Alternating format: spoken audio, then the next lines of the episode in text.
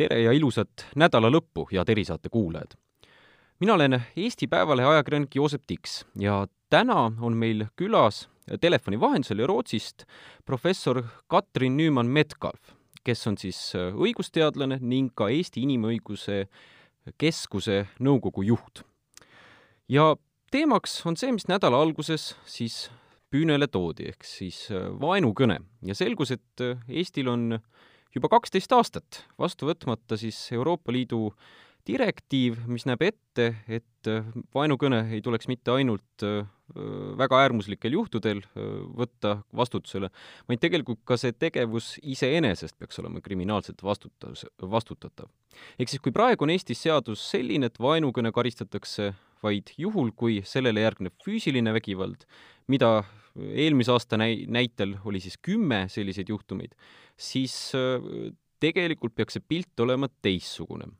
ja juba viis aastat tagasi, ka aastal kaks tuhat viisteist, kirjutas Inimõiguste Keskuse raport, et vaenukõne vastane seadus pole ministeeriumist kaugemale jõudnud. viis aastat on mööda läinud, ammu peaks viga parandatud olema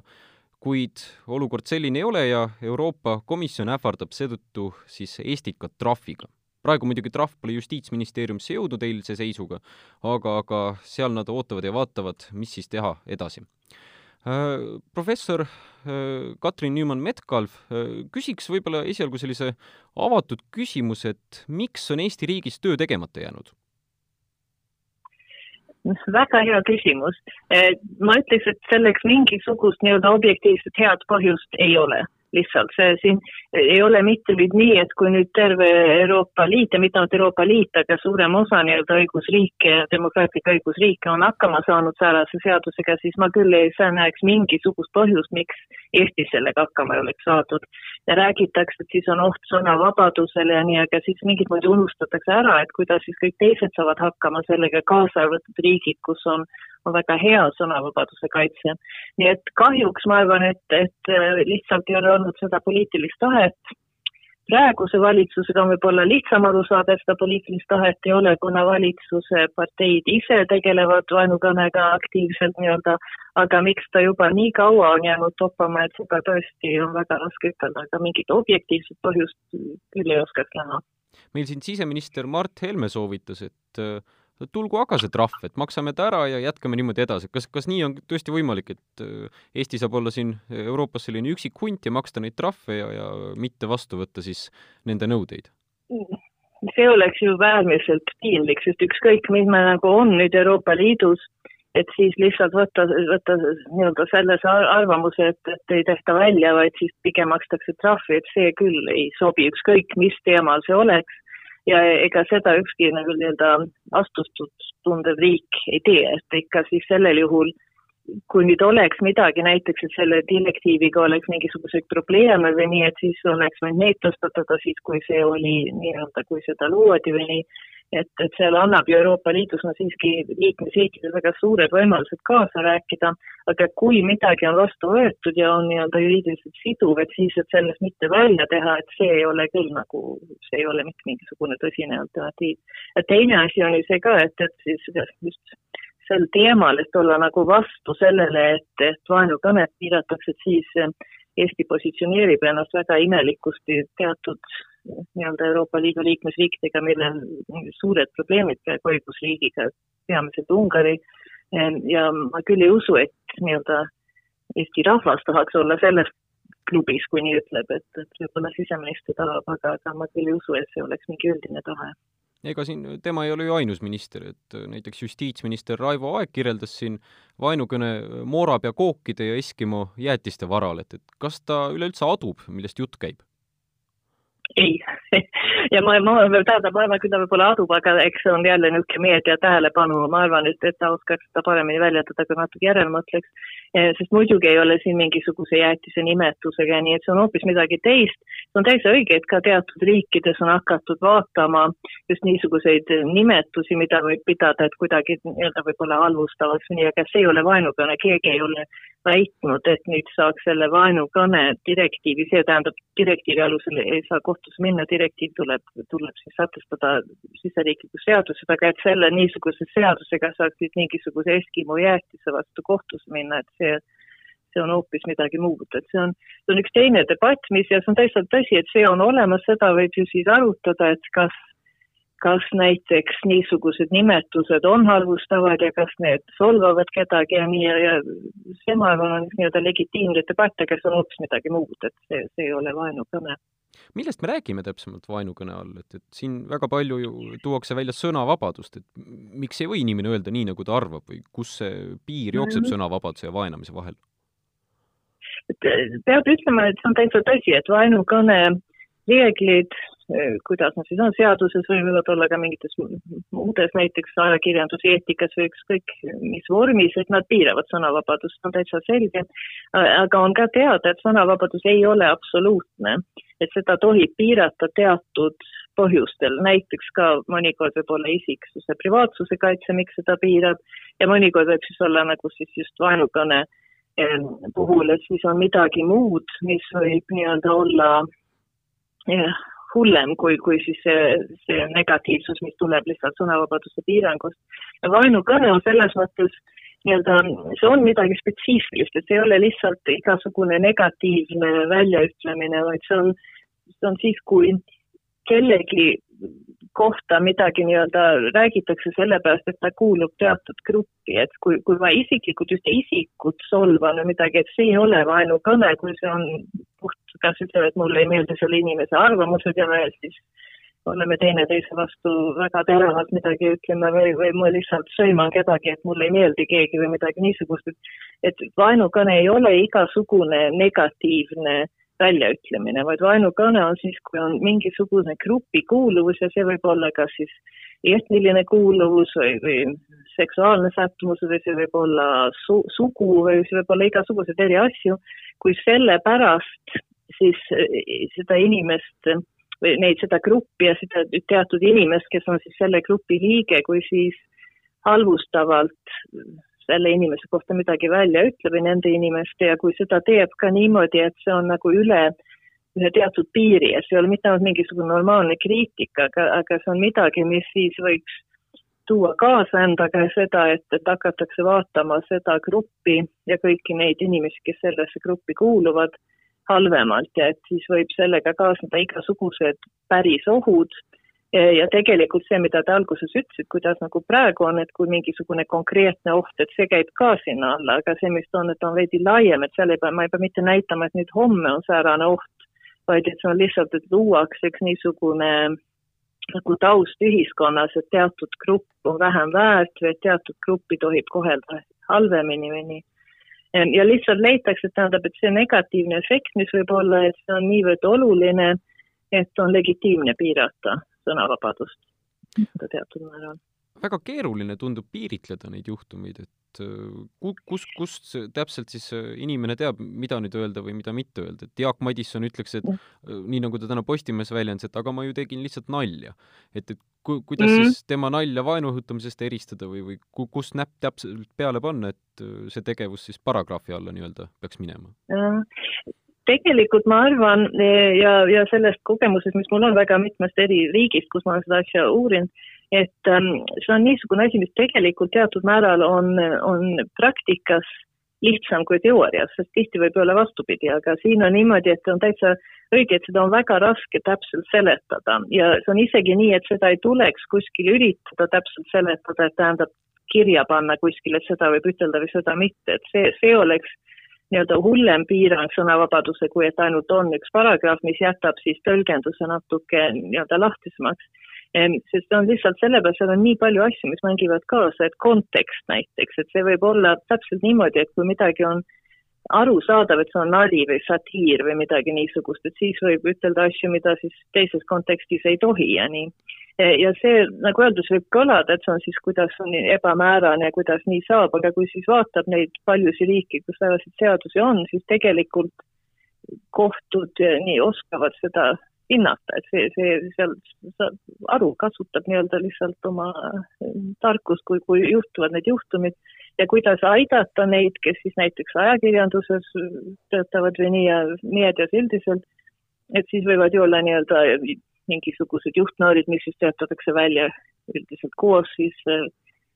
toimetused või, või nii-öelda, et, et siis ei, kui nüüd ütleme, et ühel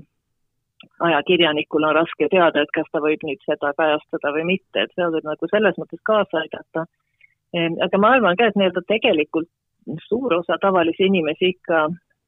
saaks aru enam-vähem, kus see, kus see piir on, et kellelgi ei ole mingit huvi, et hakata nüüd igat negatiivset väljaütlemist nagu kohe karistada, vaid see on, see on pigem selleks, et, et nii-öelda luuakse arusaam ühiskonnas, et teatud asjad lihtsalt ei ole okei okay,, et nii lihtsalt ei, ei käituta nii-öelda avalikus ruumis. kas praegu on Eesti avalikus ruumis äh, märke sellistest äh, käitumistest või väljaütlemistest, mis peaks äh, minema vaenukõne karistuse alla siis või, või kohtuasja alla?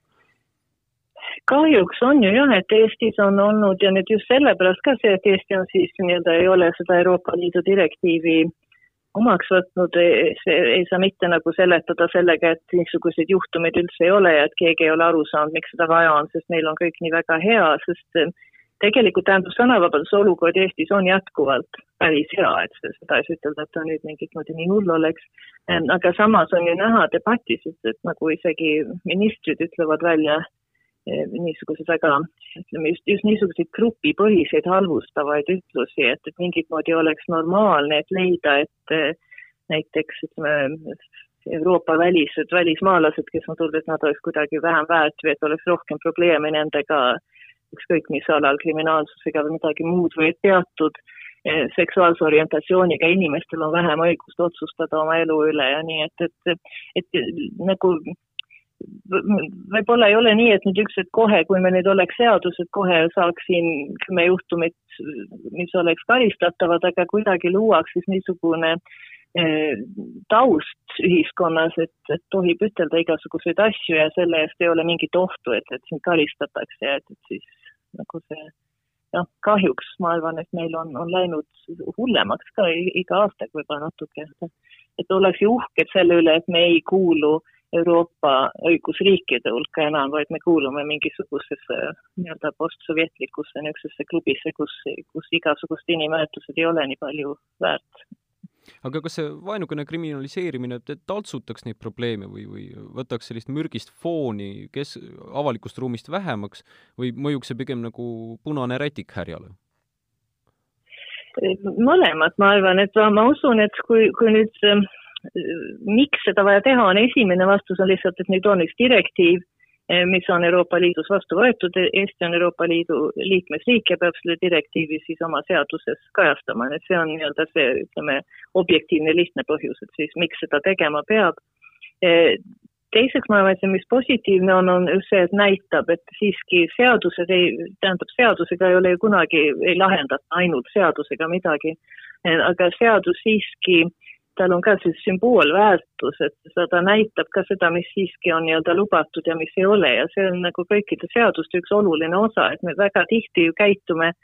seadusega kooskõlas, isegi kui me oleme täitsa kindlad, et keegi ei märkaks, et me seda ei tee, sest me oleme aru saanud, et seadus näitab, et, et seda ja teist tohib teha ja kuidas seda tohib teha. nii et see, ma arvan, et selles mõtteks, mõttes üks ähm, oluline sümbol. Aga ma olen täitsa kindel ka, et, et nüüd kas või seesama debatt, mis me, miks me praegu sellest asjast räägime nii, eks see siis toob välja ka neid, kes tahavad kohe näidata, et et nad ei poolda seda ja kes tahavad siis nii-öelda mingit moodi uhkustada sellega, et nad ütlevad igasuguseid asju siis lihtsalt, et näidata, et, et vaat, mis nad julgevad ja nii. aga samas see võib-olla ei ole ka ainult halb, et siis nii-öelda saab võib-olla natuke asja arutada ja näidata neile, kes siis võib-olla usuvad, et, et see siin asi on selleks, et keelata ära Eskimo jäätised, et nad siis ka natuke näevad siis debatis, et, et millest me tegelikult räägime, et see on, ja see ei ole nii, et mõned inimesed kipuvad ju nagu mõtlema, et inimõiguse kaitse on selleks, et kaitsta mingisuguseid vähemusi, aga, aga tegelikult et see võib, igaüks võib sattuda sellesse gruppi, kelle vastu seda vaenukõnet kasutatakse. siin professor Jüri Saar kirjutas Lääne Elule, et vihakõne suurim oht demokraatlikule ühiskonnale on vägivalla legitimeerimine avalikus ruumis ja võib-olla, et mm. sa-, sarnast ütles ka täna Postimehes äh, eurosaadik Sven Mikser, et äh, vaenukõne, vaenukõne alged äh, on poliitikas. et kas see seos sealt vaenukõne ja poliitika vahelt, et kas see saab pigem alguse poliitikute enda väljaütlemisest või on see kuidagi selline, et nad kannavad edasi seda, mida nende valija tahab? Eh, see on võib-olla väga raske ütelda, sest eks ega keegi täpselt ei tea, et miks niisugused populistlikud poliitikud, kes, kes kasutavad ainukõne palju ja nii, et miks nad on muutunud aina populaarsemaks, et ma arvan, et see on nagu ehm, ütleme, seal on nii edasi-tagasi mõjud, aga ma usun, et see on väga oluline, see, mida, mida kirjutas Jüri Saar ja mida siis ma saan Nixi väljaütlust ei ole ise selle näinud, aga, aga et just täpselt, et, et mingit moodi legitimeeritakse, et, et teatud, et teatud asjad on nagu lubatud ja on okei okay. ja seal on just see, mida inimesed ütlevad ja kirjutavad ja, ja nii on, on väga oluline, sellepärast et, et see tähendab, igaüks ei lähe, lähe füüsiliselt kellegi kallale nii või naa, aga mingit moodi on siis okei okay,, et, et seda tohiks teha või, või kuidagi, nii et see et selles mõttes see absoluutselt aitab kaasa, et siis legitimeerida ka nii-öelda järgmist sammu vägivallas, mis ei ole ainult sõnas, vaid mis on ka, ka teos. Ehm, ja eks muidugi poliitikud, populistlikud poliitikud, eriti kõik poliitikud, aga eriti, eriti selgelt need, kes, kes ei hooli eriti mingist ideoloogiast, aga rohkem populismist, nad ju üritavad seda ütelda, mis inimestele meeldib Ehm, nii et seal, eks on nagu öeldud, edasi-tagasi see mõju, aga ma usun just seda, mida ma, mida ma juba ütlesin ka, et mida inimesed nagu aru tihti ei saa, et, et see, kui, kui tähendab teatud sorti inimesed, kes leiavad, et ei pea kaitsma igat gruppi, et nad kunagi ei näe iseennast kui seda gruppi, kelle vastu võiks midagi juhtuda. et, et see on alati nii, et see on keegi teine, et mina ei ole kunagi see, et kes võib sattuda säärasesse gruppi, mis järsku ei ole aktsepteeritud. ja, ja seda aitavad siis ju need poliitikud luua seda tunnet, see on väga palju niimoodi meie ja teised, et, nagu ühed inimesed, et me oleme alati nii-öelda meil ei ole midagi viga, et meil on alati hästi ja meie vastu keegi ei saaks kasutada seda vaenukõnet, need on ainult keegi teine, kellest ei pea hoolima. Ehm, ja, ja seda, ma arvan, on nii-öelda, see on, see on inimeses normaalne, et sa mingit moodi kuulud kokku rohkem teatud gruppidega ja see on täiesti normaalne, on alati olnud, aga samas need poliitikud on, on teinud sellest rohkem ja rohkem nii-öelda poliitika osa, et, et ei ole enam nii, et on teatud mõtted ja arvamused ja ideoloogiad, aga on lihtsalt nii, et sa kas kuulud, kas sa oled meie oma või ei ole. see on ja, ja see ma ei usu, et see tuleb tegelikult inimestest, nagu öeldud, see on inimese loomulik osa, aga et see oleks nüüd meie niisugune peamine poliitiline tahe, et see nii oleks, et see on pigem loodud, sellepärast et niimoodi on lihtsam inimesi meelitada siis, kui et sa pakud midagi, mida nii-öelda jah, mis aitaks kaasa ühiskonnas ja mis inimesed, kes siis objektiivselt hindavad, et leiaks, et vot see on õige ja hea, seda me tahame, et siis seda pole nagu vaja teha poliitikutel, vaid on ainult vaja ütelda, et et vot kas kuulud meie juurde või mitte,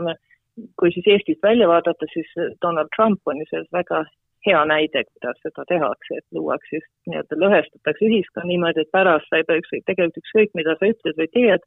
sa oled siiski oma mees ja sellega on nagu okei okay.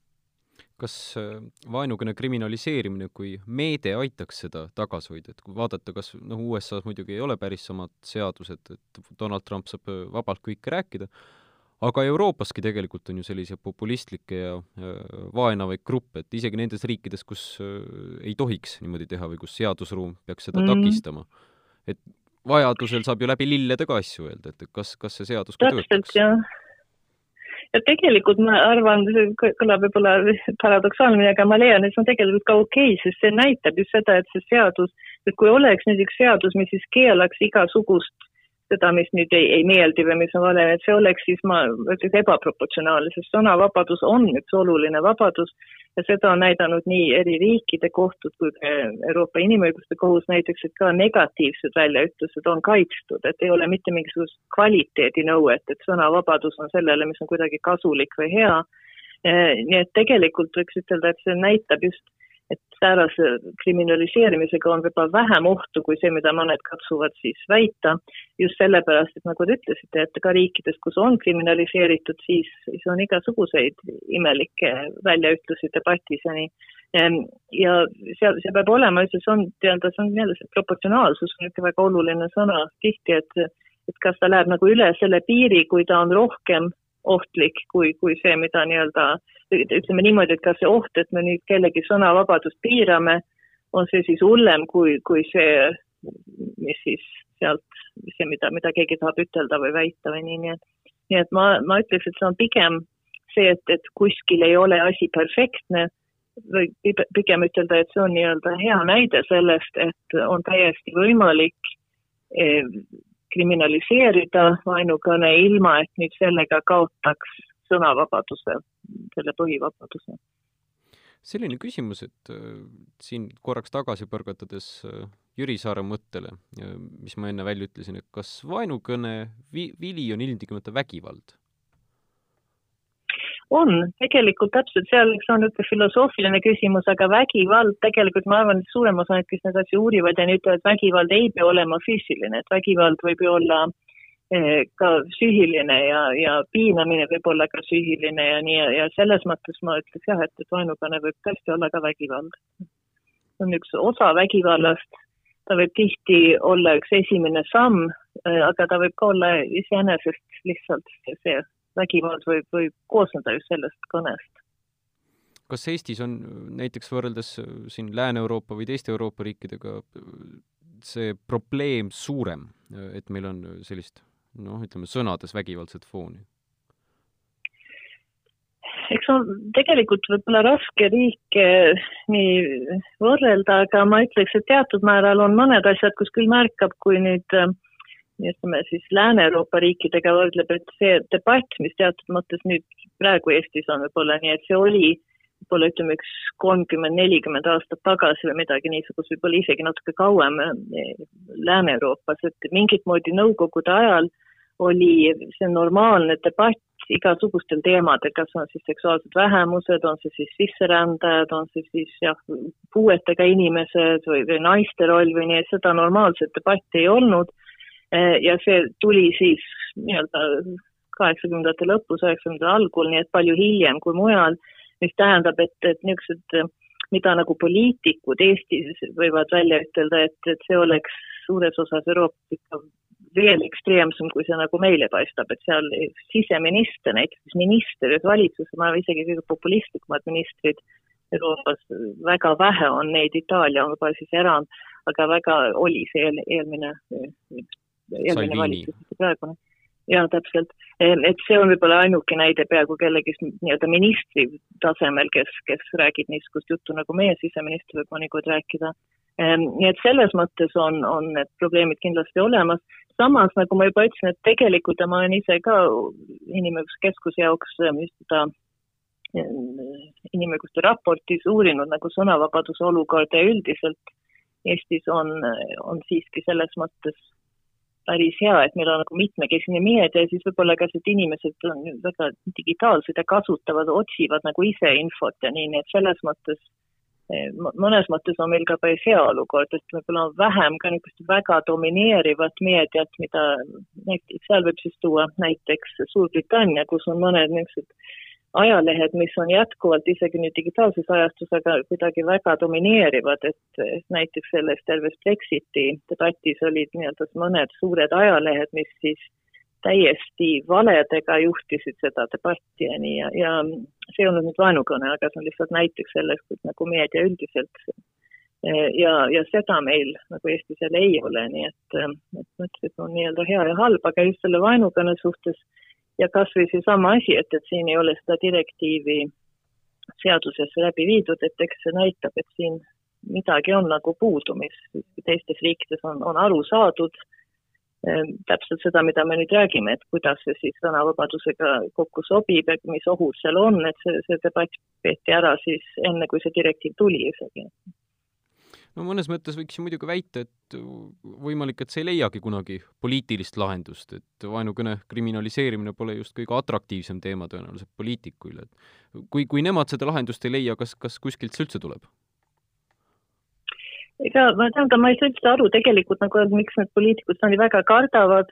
kui nad nüüd ise ei taha väga vaenukõnet kasutada, sest nüüd on siin olemas need, isegi kui nad tahavad leida mingit ettekäänet, et nad nüüd sellega,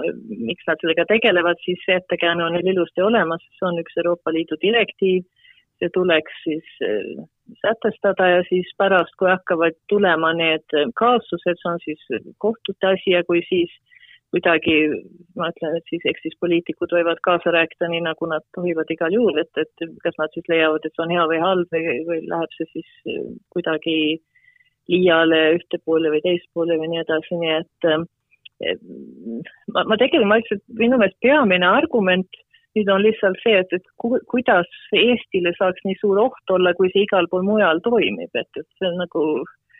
ma, ma ei tea, mis poliitikud, kuidas nad oskavad väita, et see nüüd just just Eestis oleks nii ohtlik, et ma arvan, et seal võiks nad lihtsalt aru saada, et siis selle asemel, et nüüd raisata Eesti riigi raha trahvi maksmise peale, et siis lihtsalt teha ja see, see, ja see debatt sellega ei lõpe, ega siis me ei tea, nagu see kriminaliseerimine on, nagu me oleme mitu korda juba öelnud siin ka, et, et on üks samm, aga ega see ei lahenda tervet seda asja. nii et nad võivad vabalt edasi debateerida täpselt, mis peaks olema lubatud ja miks mitte ja nii edasi aga paneks sellega ka punkti, sest ega see pall on endiselt ju nende debateerijate käes. et, et ootame-vaatame, mis otsustab siis Justiitsministeerium teha, nemad ootavad senimaani kirja, Euroopa Komisjonilt ise ühtegi sammu enne ei tee. Ja kui see kiri üks hetk peaks jõudma, siis hakkavad nad edasi mõtlema. tasa ja targu ja. tegutsevad. Jah, ja eks siis äh, täpselt, loodetavasti tulevad ka mõnikord eks targemad inimesed teatud positsioonidele, et siis, siis saab asi kiiremini lahendatud aga tänaksin teid äh, siia saatesse tulemast, sooviksin teile, kui, kui te nüüd seal Rootsis äh, olete, ilusat viimast suve lõppu, sest siin on väga soojad ilmad nii siin kui sealpool Läänemerd, ma saan aru, ja äh, kõike kena. aitäh! ja aitäh ka erisaate kuulajatele ja ilusat nädalavahetust!